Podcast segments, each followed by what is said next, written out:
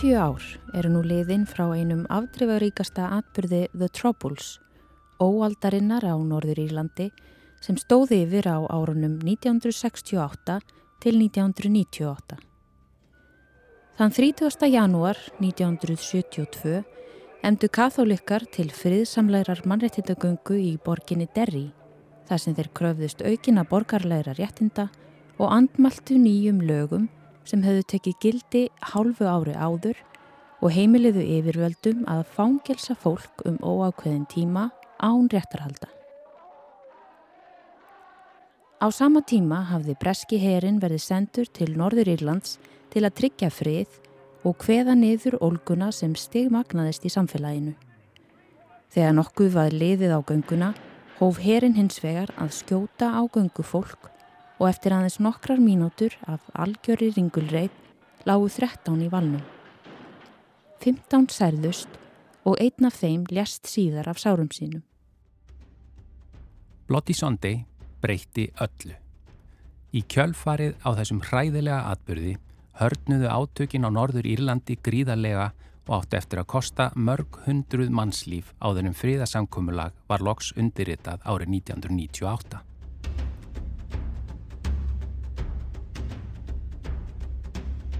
Í þessum þáttum verða aðdragandi og eftirmál Bloody Sunday rakin og við heyrum lýsingar og frásagnir fólksins sem uppliði daginn sjálfan og eru sum enn þann dag í dag að takast á við afleðingar hans. Eflaust kannast margir við að hafa heyrt frettir og lýsingar fjölmiðla á átökum og sprengingum á Norður Írlandi á setni hluta síðustu aldar. Talum mótmælendur og katholika og deilur sem virtust nær óendanlega flóknar. Það er í bestafalli að var sérstakt að hugsa til þess að í landi sem er næst í nágrannu okkar hafi geisað blóðu styrjöld áratugum saman og að aðeins eru tæp 24 ár frá því að formlegur fríðarsamningun var undirritaður.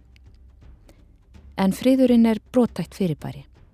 Eins og í öllum stríðsátökum áttu ótal margir og skelvilegir atbyrðir sér stað á Norður Írlandi sem skildu eftir hil djúb sár í samfélaginu sem enn hafa ekki náð með öllu að gróa.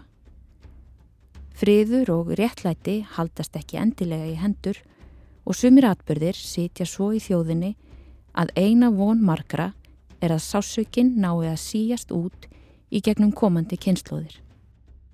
Eins og í flestu öðru er vantanlega best að byrja á byrjuninni. Útskýra orsök baráttunar og um hvað átökin á Norður Írlandi snérust. Þau tegja sér ekki aðeins ára tugi aftur í tíman, heldur hefur miskipting og kúun af hálfu englendinga litað líf Íra öldum saman.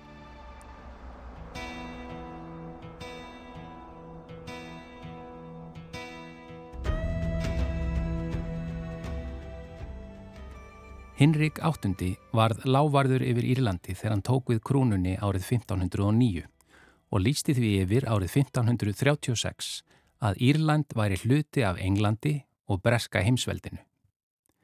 Þá var langstæstur hluti íbúana katholskrar trúar en Hinrik hafði snúið baki við katholsku kirkjunni og stopnað sinn eigin ánga af mótmælendatrú, ennsku biskupakirkjuna.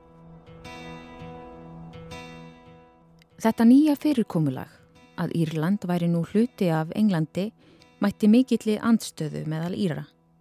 Til að þegnar sem væru hliðhóllar í konunginum vildu búa á Írlandi hófu ennsk yfirvöld að bjóða skotum og englendingum sem voru mótmælendatrúar umtalsverða styrki, fríðindi og landsvæði á Írlandi. Flestir þeirra settust að í norðurluta landsins Ölster þar sem mótmælendur hafa verið afar áhrifamiklir allargötu síðan og slegið skjaldborg um trú sína og gildi í annars kathólsku landi. Meiri hluti landsmanna leitt hins vegar á mótmælendur á Norður Írlandi sem erlenda kúara og nokkuð réttilega. Þrátt fyrir að átökin væri í grunninn þjóðernisdeila voru svo til allir sem kröfðust sjálfstæðis Írlands katholikar og af lægiri stjettum samfélagsins. Nær allir sem stuttu áframhaldandi hotlustu við bresku krúnuna voru velmegandi afkomendur mótmælandana sem voru sendir til nýlendunar Írlands á sínum tíma. Átökinn á Norður Írlandi eru því fyrst og fremst pólitískar deilur sem þó hafa mjög sterka skýrskotun til þjóðverðnisleira þátta og aðskilnaðarstefnu. Þetta voru ekki trúarlegar deilur nema að afar litlu leiti, nokkuð sem kann að hljóma sérkennilega þar sem hugtökinn katholiki og mótmælandi hafa verið nótuð til að lýsa þessum andstæðu fylkingum. Annars vegar erum að ræða samband sinna sem að langstæstum hluta eru mótmælendatrúar. Orðið sambandsinni kemur til að því að þeir vilja viðhalda sambandinu við bresku krúnuna og meg ekki heyra á það minnst að Norður Írland sameinist Írlandi á nýjan leik. Það hefur aftur á móti verið krafa líðveldi sinna sem langflestir eru katholskrar trúar eins og meiri hluti íbúa líðveldisins Írlands. Sagan tegir sig ár hundruð aftur í tíman en við hefjum þessa sögu árið 1916 þegar Írland hafði verið undir ennskum yfirráðum öldum saman. Í takt við tíðarandan í Evrópu hafði írskum þjóðirnisinnum vaksið ásmegin um nokkurt skeið og undir lok 19. aldar hafði reyfing sjálfstæði sinna á Írlandi styrst til mikill að munna. Krafa þeirra hafði þróast í sambarilega átt og annar staðar í Evrópu Það er að segja fullveldi, algjört sjálfræði og loks sjálfstæði. Árið 1916 gerði lítill hópur undir stjórn Patrick Pearce og James Connolly uppreist í Dublin, páska uppreistnina, sem breytar börðu niður af gríðarlegri hörku.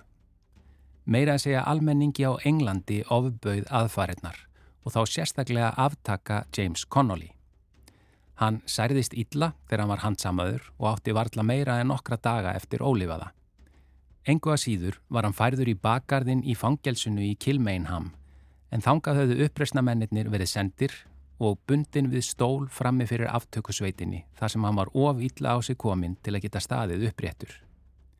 Þessar aðfarir vöktu strax mikla reyði meðal Íra og við það eldist fylking sjálfstæði sinna mikið á skömmum tíma. Blóðugt frelsistríð var háð á árunum 1919 til 1921 og það var þá sem Írski líðveldisherin IRA var til. Liðsmenn hans beittu skæru hernaði gegn ofureflinu sem breski herin var en með nægilega góðum árangri til þess að árið 1921 ákváðu bresk stjórnvöld að ganga til samninga. Niðurstaðan var svo að Írland fekk fullveldi í konungssambandinu við Bretland en það var ekki það eina. Á sama tíma var til annað ríki, Norður Írland, með sömur réttindi fullvalda ríkis. En á Norður Írlandi réðu mótmælendur ríkjum. Margir sjálfstæðisinnar í döblin undu þessari niðurstöðu afar illa og upp úr 1922 braust út borgarastyrjöld á Írlandi um samningin við bretta. Stríðið stóði yfir í rúmt ár en niðurstaðan var þessi ófullkomni sigur. Það er að segja að nýrsti hluti Írlands var skorinn frá og tilherði áfram Breitlandi. Þá var ríflega helmingur íbúa svæðisins mótmælendur en hinn hlutin katholikar sem nú voru ornir innleiksa í hennu nýja ríki mótmælanda, Norður Írlandi.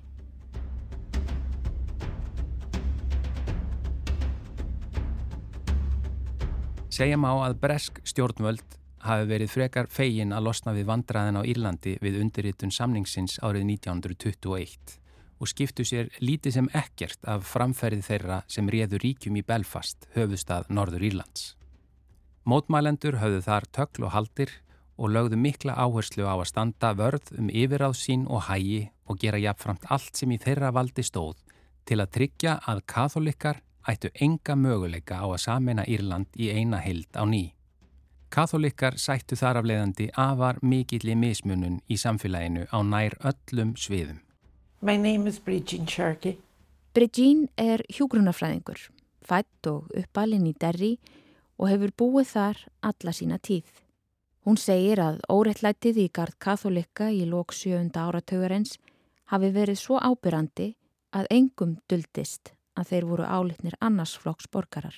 You know, I remember like Margaret talked about nursing when I, I also entered the nursing profession and when I entered I had to put my hand on a Bible and swear allegiance to Her Majesty Queen Elizabeth II, or I didn't get a job. And if you went for any job to do with the British government, such as the civil service, or teaching, or medicine, you had to do that. Other than that, you didn't have to do it if you were brought up and reared in England.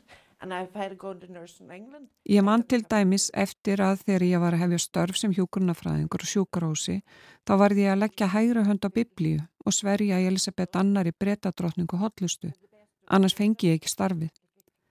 Ef þú sótist eftir starfi hjá hennu opibera, hvort sem það var kennari eða í heilbreyðskeiranum, þá þurfti þú að sverja henni hotlustu. Ef ég hefði fæðist á Englandi og hefði vilja verða hjókurnafræðingu þar, þá hefði ég ekki þurft að gera það en ég þurfti að gera það í derri undir borgastjótt sambandsina. Þau gerðu allt sem í þeirra valdi stóð til að láta katholökum líða eins og annarsflokksborgurum. Ég þakka Guði fyrir að hafa alist upp á góðu heimili. Faði minn var í verkalisamtökunum og virkur í verkalisbaróttunni og fóreldra mínir höfðu sterkar réttlæti skend og töluðu fyrir jafnrétti. Við vorum líka heppina því leiti að faði minn hafði alltaf atvinnu sem var því miður ekki raunin hjá meiri hluta Karlmanna í derri á þeim tíma. So, uh, do you know, I was blessed, my father always worked, which was not the run of the mill here in Derry. The majority of men were unemployed. Patsy O'Kane var rúmlega tvítug þegar hún fluttist frá söðurhluta Derry-síslu til borgarinnar árið 1971. Hún segir tíðarandan hafa ennkjænst af mikilli samstöðu meðal katholika og sterkri réttlætiskend, sérstaklega á meðal unga fólksins.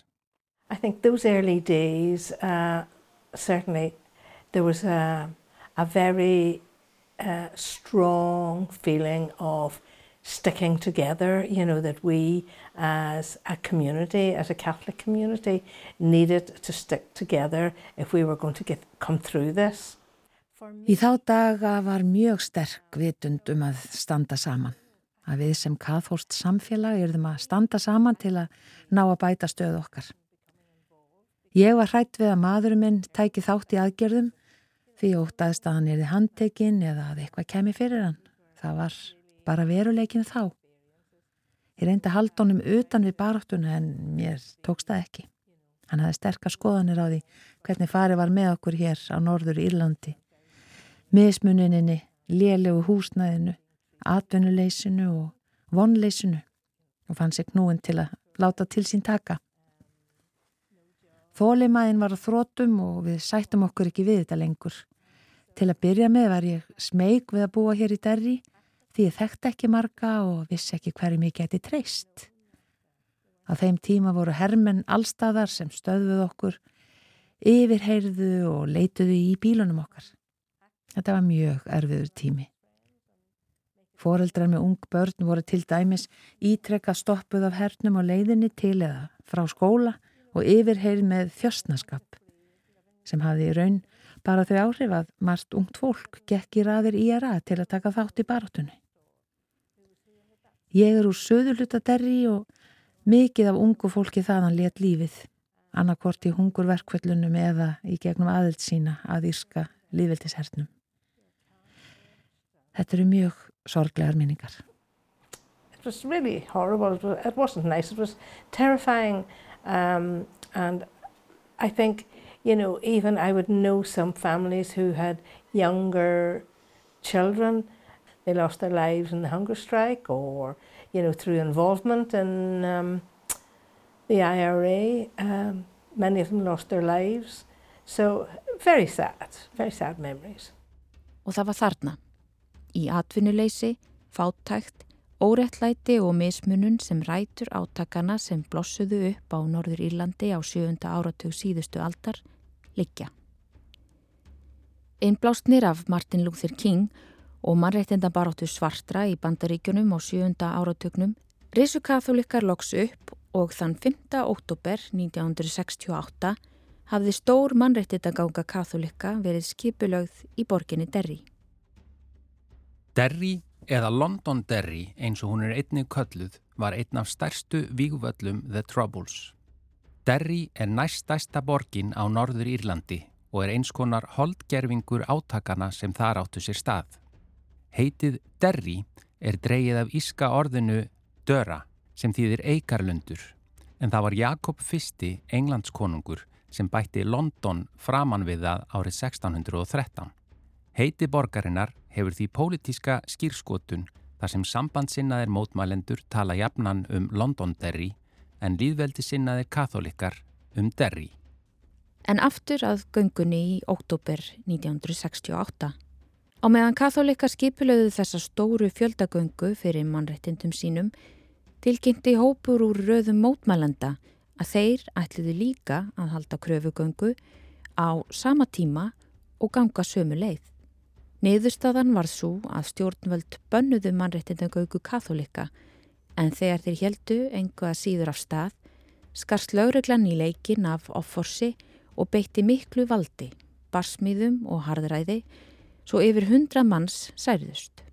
Upp úr þessu hófust óerðir milli katholika og mótmælanda í derri sem stóðu yfir í tvo daga. Þau átök mörguðu upphafið af The Troubles.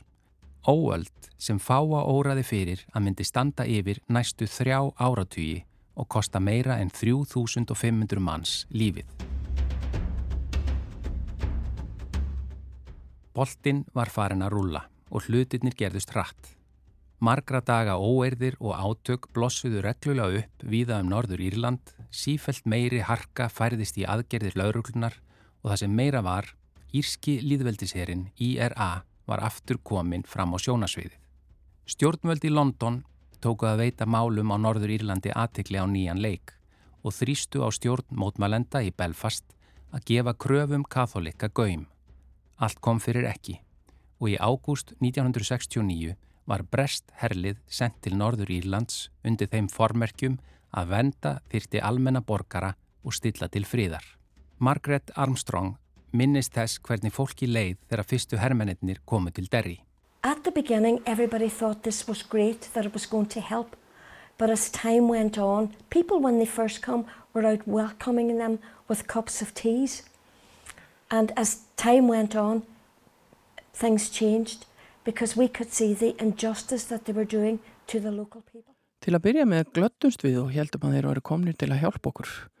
Fólk færiði þeim tebotla út á götu og bauð á velkomna en með tímanum breyttist við þóru okkar því við sáum óréttlæti sem að heimafólk var fyrir af þeirra hendi.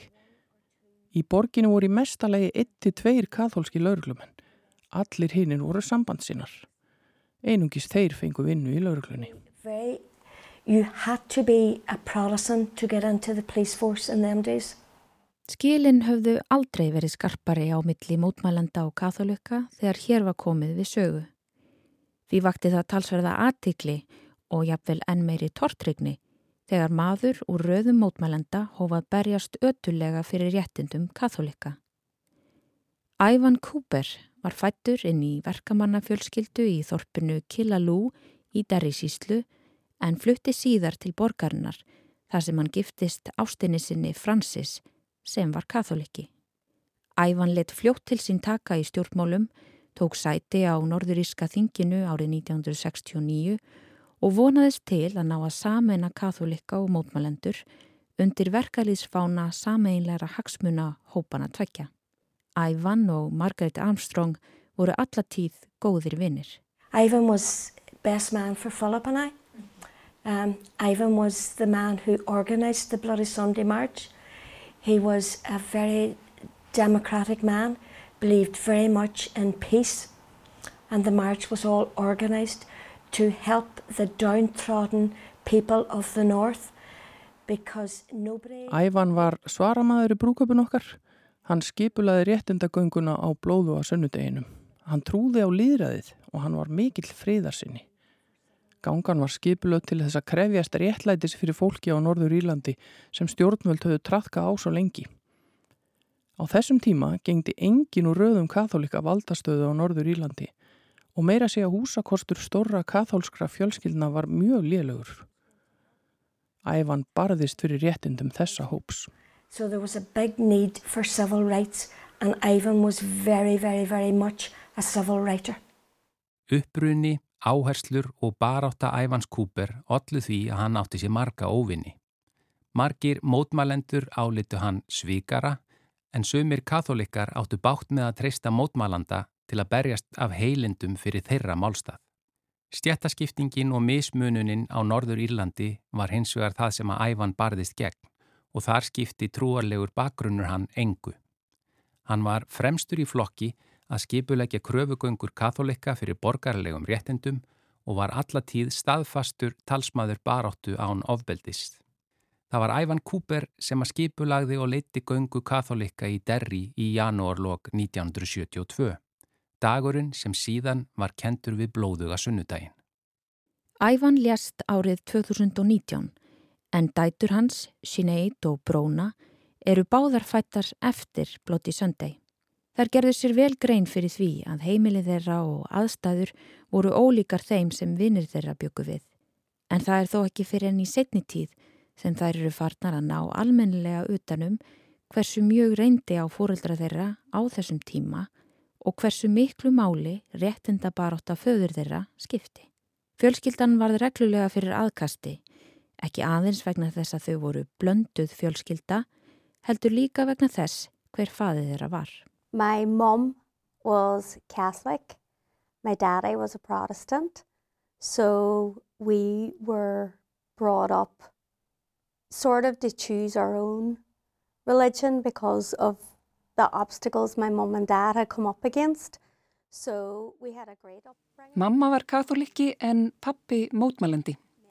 Við sýsturnar máttum eiginlega velja hvar við stóðum í trúmálum, líklega vegna alls þess sem foreldrar okkar þurftu að gangi í gegnum.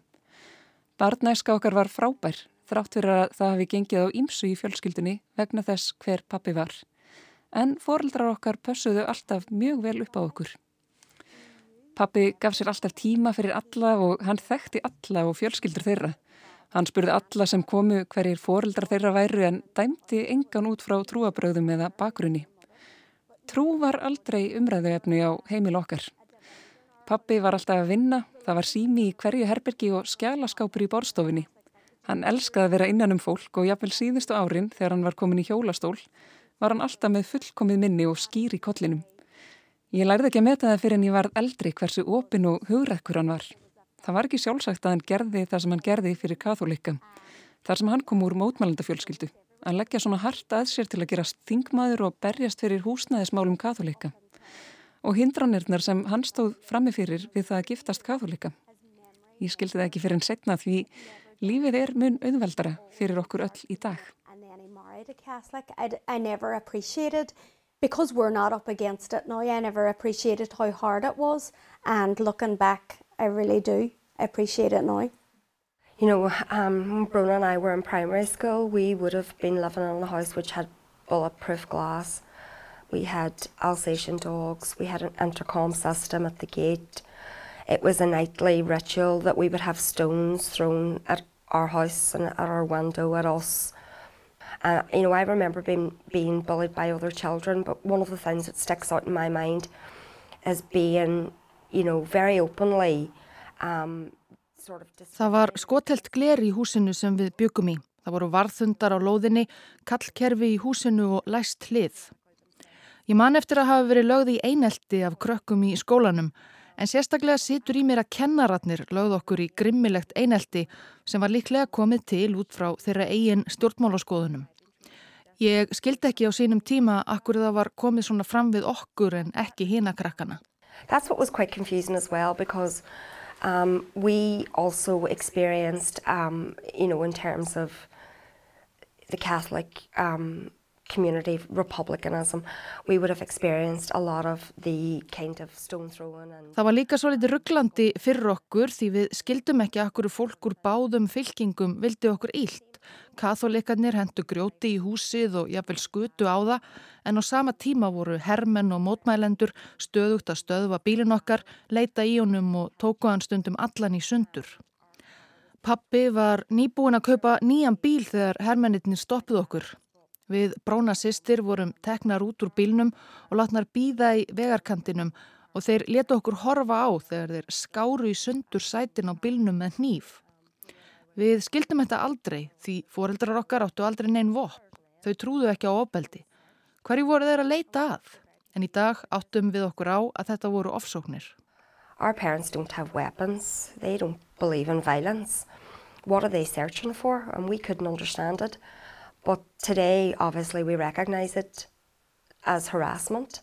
I remember my mama telling me of an event where she was rushing to pick us up from school, and every single day she was harassed, um, stopped, her car was searched. She was late. Ég man eftir því að mamma saði mig frá því að hún var stöðuð af hermönum á hverjum einasta degi þegar hún var að sækja okkur í skólan og þeir leituði í bílnum hátt og látt sem allir því að hún kom of seint að sækja okkur á hverjum einasta degi.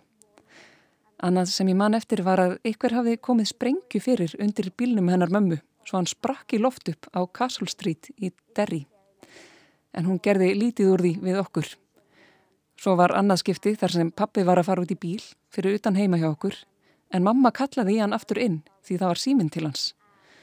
Þegar hann gekk inn um dyrnar þá sprakk bílinn hans í loft upp. Ef ekki hefði verið fyrir símtalið þá hefði hann verið í bílnum þegar hann sprakk. Svo var mamma skotin með plastkúlu í fótinn. Hún gemdi kúluna eftir það til minningar. Sett hana bara upp á hillu inn í stofu eins og skraut. Þau buguðust aldrei. Og ég man ekki til þess að hafa oft orðið hrætt. Til dæmis var skotið á húsið eitt sinn og móður ammokkar gerði leikur því.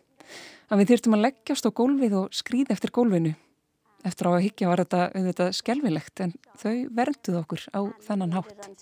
My mommy's mother who, who made it on day game so that was scary but they protected us, they really did. Sinead og Brónas segja að Bloody Sunday og eftirmál hans hafi haft mikil áhrif á föðu þeirra. Allt þetta hafi litað líf fjölskyldunar og þær velti því stundum fyrir sér hvernig líf þeirra allra hefði orðið ef þessir atbyrðir hefði ekki átt sér stað.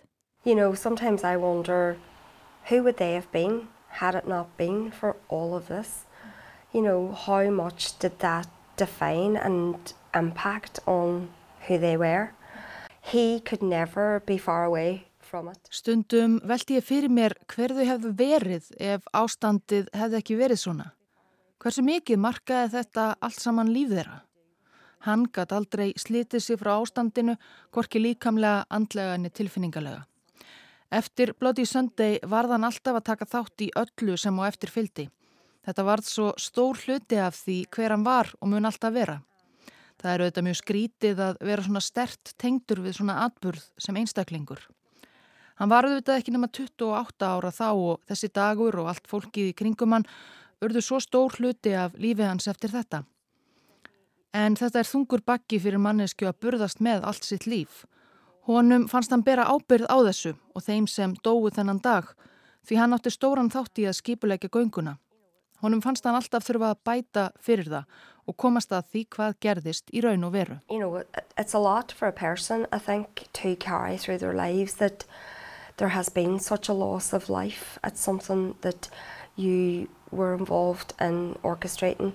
Um, and I think he maybe had a sense of that he always had to kind of make it better. He, you know, he had to always try and work at something to, to get to the truth and to make it better.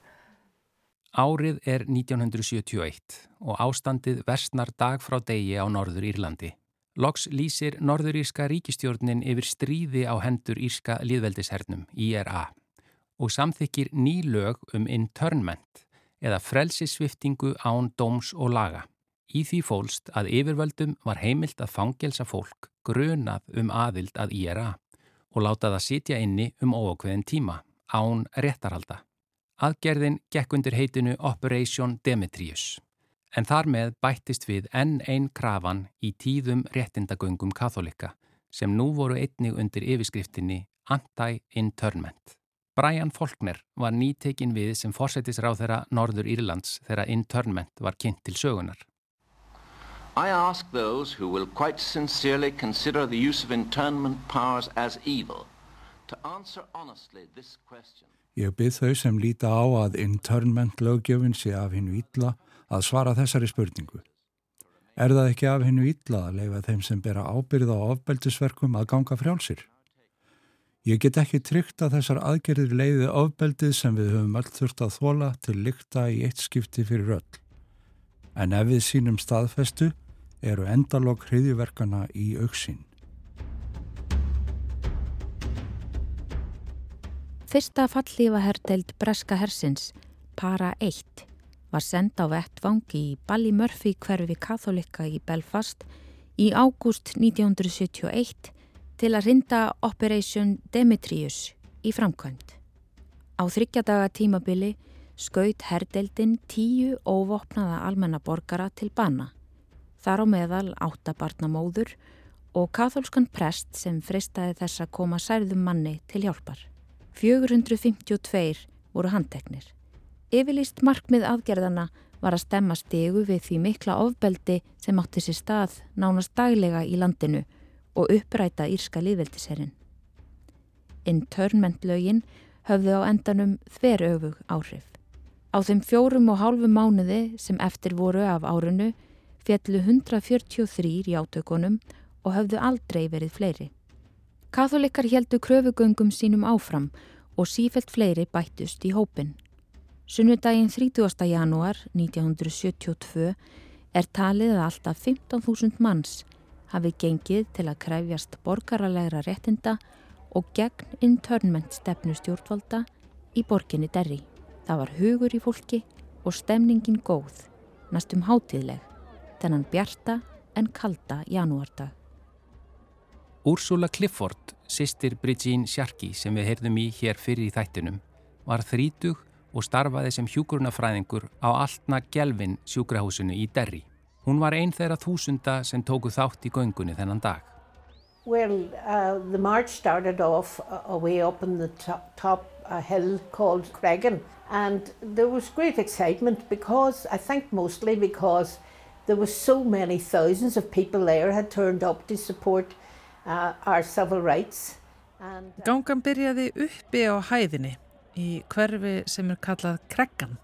Það var svo mikil von í loftinu hjá þeim þúsundun sem voru komin saman til að krefjast borgarlegra réttinda.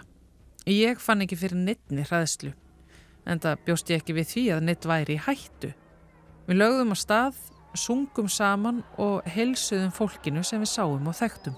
We started off in the march and we were singing and waving at people and acknowledging people we knew.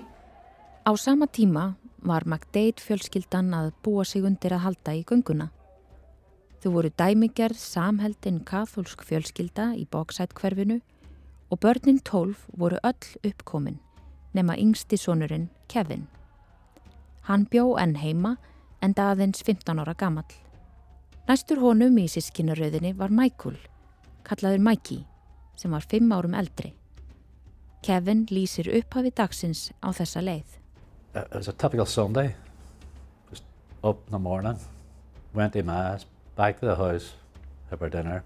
Just a cold, bright, sunny day. It was cold, but it was bright and sunny, and we have our dinner. Þetta var dæmigerður sunnudagur. Fórum í messu, svo heim aftur og fengum okkur sunnudagsmatinn í hátdeinu. Þetta var kaldur, bjartur, sólardagur Eftir matinn fór ég með vinnum mínum að göngunni. Michael hitti vinni sína. Þegar þangað að komið var góð stemming, allir voru með voni hjarta, börn, leku sér og hlöpu um. Engin hafði áíkjur. Engum dætt í hug að neitt kæmi fyrir. Við vorum að ganga fyrir mannréttindum og gegn internment lögjöfunni. Það var allt og sumt. All we were doing was a march for civil rights. So I had the internment march as well. So Basically that's what it was. Ein af sístrum þeirra, Bræti, var nokkrum árum eldri. Hún bjó í næstu götu við æskuheimilið með eiginmanni sínum Hugo og þremur ungum sonum. Bræti hefur aldrei talað ofinberlega um Bloody Sunday fyrir en nú. On that day, um, myself and got arrested with my husband. We were going to the march. Now, in saying that, Mickey would have been in my house, like Kevin, always. And every Sunday morning after Mass, he would have called down and he would have, you know, done Lego and all with my three boys. But Þennan dag fórum við Hugo, einmaður minn, í gönguna. Michael kom heim til okkar um morgunin, svo yfirleitt á sunnudögum eftir messu og leik við sínu okkar þrjá. Þegar leið á gönguna fórum við með drengin okkar til foreldra minn í Pössun Þar hittum við Michael sem ætlaði að hitta vinni sína á leiðin í gunguna. Við vorum svo spennt. Við vissum að það myndi mikill fjöldi mæta og þegar gangan fór að stað var andrumsloftið alveg frábært. So, went to march and it was really brilliant. Felt great to be at the march. The atmosphere was brilliant.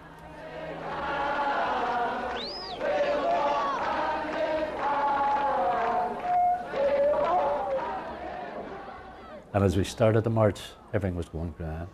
As we got further down into the bog side, you could see the army. You blocked there, you were blocked here, this street, that street, that street. So when we got to William Street... Allt gekk vel til að byrja með. Þegar gangan var komin inn í Bogside hverfið, þá sáum við herminina. Það var búið að loka flestum hlýðargötum og þegar við komum á William Street vorum við stöðuð. Allir sem hafa skoða myndir og sjómasöttökur frá deginum sjá að það voru vissulega mótmæli en ekkert stórvægilegt. Í rauninu var þetta mun minna en hafi gengið á í öðrum mótmælum. Það var vissulega að kasta steinum og einhverjum flöskum en engum eldsprengjum eða neinu slíku. Ekki svo herin helt fram síðar, það gerist ekki. Það voru 10-15 mínútur af þessu, það var öskrað og hent steinum en miða við það sem að hafi áður gengið á, þá var þetta ekki svo slæmt að mínumati. Flestir í göngunni höfðu farið aðra leið að Free Derrick Corner um Roosevelt Street. Þetta voru ekki það miklar óeirðir en svo kom fallifa herdildin para eitt. Þeir hlupu allir. Engin vildi láta handaka sig því að það var það sem við byggumst við. Það sem við heldum að þeir myndu gera. Nobody wanted arrested because we thought that's, that was a normal. Moved in, arrested people and that was it. So everything went all right so we came down William Street.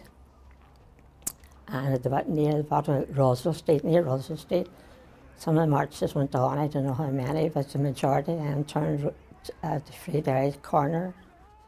Sumt af göngufólkinu hjælt áfram en meirilutin fór að Friedberry horninu. Þegar við komum þangað voru mörg hundru manns fyrir aftan okkur.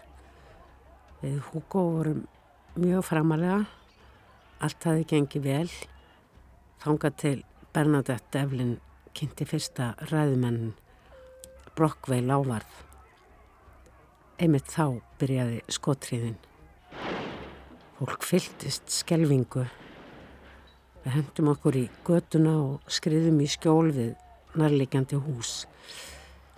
Ég gleymi aldrei skólljóðunum, þessum háu kvellum. And the shooting, I would never forget the sound of the loud cracks. And it was only when we came to the level of, of William Street that I realised there was this presence of soldiers on the top of buildings to the left of the me and the marchers. First speaker stood up or they, to introduce somebody and this noise started and uh, it was shooting. And everybody was going down on their knees and bending over and Það var ekki fyrir við komum á William Street sem við sáum hermenn út um allt, ofan á húsþökum eftir gönguleiðinni. Fyrsti ræðumadurinn var kynntur á svið, þá hvað við mikill háfaði. Það voru skotkvellir. Allir hendur sér í jörðina og reynda að komast í skjól. Eldri frænka mín var með mér og það fyrsta sem ég hugsaði var að ég yrði að koma henni undan. Við fórum á bakvið hús og reyndum að koma okkur að heimil hennar sem var nærri. Þar eruðu við vonandi örugar. En á leiðinni þangað sá ég mann liggja á götunni og einhver var að stumra yfir honum. Ég spurði hvort ég geti hjálpað og hann sagði að maðurinn hefði fengið hjarta áfall. Ég kannaði púlsin á manninum og það var ekkert lífsmark með honum. Ég held líka að hann hefði fengið hjarta áfall. Þetta ekki huga hann hefði verið skotin. Skotin í álverunni. So I went and took his pulse and realised that there was no sign of life. And so I just accepted that, never thinking anybody was shot, really shot. 12 to 15 foot from me, and there was a soldier standing outside it. It was a small guy, and I could hear the shot. And I could see a young boy in front of me. I didn't know at the time who it was, and that was Jackie Duddy getting murdered.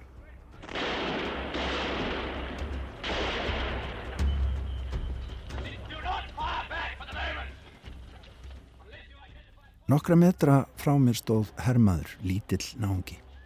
Ég heyrði skotkvell úr bissu hans. Ég sá ungan mann álengdar falla í göduna. Það reyndist vera Jackie Duddy sem hafi verið myrtur þarna. Það komi hermenn út úr brinnvörðum bíl og þeir skutu í allar áttir. Mér fannst þeir ekki miða á neitt sérstakt. Jackie Duddy datt í göduna og ég bara hljóp og faldi mig á bakvið húsvegg eftir það hvað við fjöldi skotkvella og ég skreið á maganum eftir jörðinni. Ég hugsaði bara um að komast burt. Þetta voru fyrstu skotin sem ég heyrði þennan dag. And I was behind a wall and then just, I was down to my belly crawling to get away. And that's basically, you know, to me the first shots or shot that I hear that day. But at my when I got home and sort of, it's really hard to explain, you know, because... Ég man ekki hvernig ég komst heim. Ég man ekkert frá því að ég yfirgaf Roosevelt Street þanga til ég kom heim. Þegar ég var komin heim voru allir að spyrja hvort einhver hefði séð Michael. Ég sá hann snemma í göngunni en svo ekkert eftir það. Brædi, sýsti mín, fór heim til Johns Hume og fekk þar upplýsingar að Michael hefði líklegast verið handtekinn sem var talsferðu léttir. En við höfðum samt ekki fengið neitt staðfest but there was still no word of him like. We were there, don't know how long we were there, and it seemed quiet. I made, we made our way home to mommy and dad. Ég veit ekki hvað við vorum lengið þarna. Þegar allt virtist hafa róast flýttum okkur heim til foreldra minna. Ég veit ekki hvað þetta tók langan tíma. Við vildum bara flýta okkur til svona okkar. Þegar við vorum á leiðinu út um dyrtnar þar með drengina, mættum við Kevin og vini hans. Ég spurði Kevin hvort hann hefði séð Michael. Hann saðist hafa séðan áður en skotriðin hófst. Við höfðum heyrt að allir sem erðu handteknir fyrir óerðir erðu sendir í fangelsi í saks mánuði og við heldum að það byrði Michaels. Þannig að allt erði í lægi. So we were saying, Mickey will be six months in jail, so it was okay. Engin vissi nákvæmlega hvað hafði gerst og fjöldi særðra og látina var nokkuð á reiki. Brigitte Sharkey tók ekki þátt í göngunni þennan dag en það aðeins nokkri dagar í að hún myndi eignast sitt fyrsta barn svo hún hjælt kyrru fyrir heima. En fljótlega tóku fréttinnar að berast. That day of Bloody Sunday I don't think it, you know, it'll ever leave our minds of us that were... Ég held að þessi dagur líðu okkur aldrei úr minni. Bróður minn ringdi í sífellu með nýjust upplýsingar. Hafði hann heyrt um þennan eða hinn, hverjur höfðu dáið. Og það er hræðilegt að láta út úr sér en ég gati ekki hugsa til þess að almenni borgara hefðu verið skotnir. Upplýsingarna voru mjög misvísandi og margar rángar. Engi vissi hverjur hefðu dáið eða hver margir. En ég óskaði þess að það hefðu verið breskir hermenn eða löglumenn sem er auðvitað hræðilegt að óska sér. En þetta er lítil borg, allir þekktu alla. Við höfðum heyrta herrmennir hefðu komið á staðin kvöldi áður og við vissum að breski herin hafði ekkert gott í huga. Eitthvað slæmt geti gerst. Og Guð með góður, það gerði svo sannarlega. You knew the British Army was up to no good. Something was bound to happen that day. And by God it happened. En dagurinn leið. Það tók að kvölda og Mikey McDade var ekki komin heim. Þrátt fyrir óljósar fregnir og ágískanir um að hann hefði verið handtekinn hafði enn ekkert heyrst frá honum sjálfum. Það kom svo prestur heim til okkar setna um kvöldið og saði að Michael hefði verið myrtur. Ég man að mamma satt stjörf í stofunni, umkringt fjölskyldunni og vinum og mér fannst eins og hann hafi vitað að hann væri dáin áður en við fréttum það. Hún satt bara orðlaus með viskustykki í höndunum og snýri upp á það í sífellu í heil langan tíma. Starði bara út í loftið og snýri upp á viskustykkið. Shortly after that, the two police came in and told the family, told everybody that Mickey was gone. What a shock, we were just devastated. Svo komu tveir lörglu þjónar á staðfestu að Michael væri dáin. Það var áfall. Við vorum algjörlega niður brotin. What a shock. We were just devastated.